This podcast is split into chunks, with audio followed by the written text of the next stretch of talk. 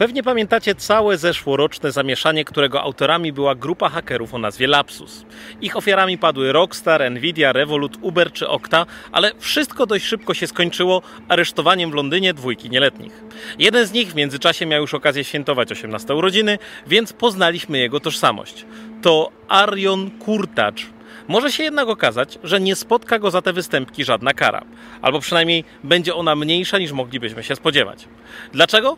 Po przeprowadzeniu badań psychiatrycznych biegli lekarze stwierdzili, że nie nadaje się on do postawienia w stan oskarżenia ze względu na swoje zaburzenia.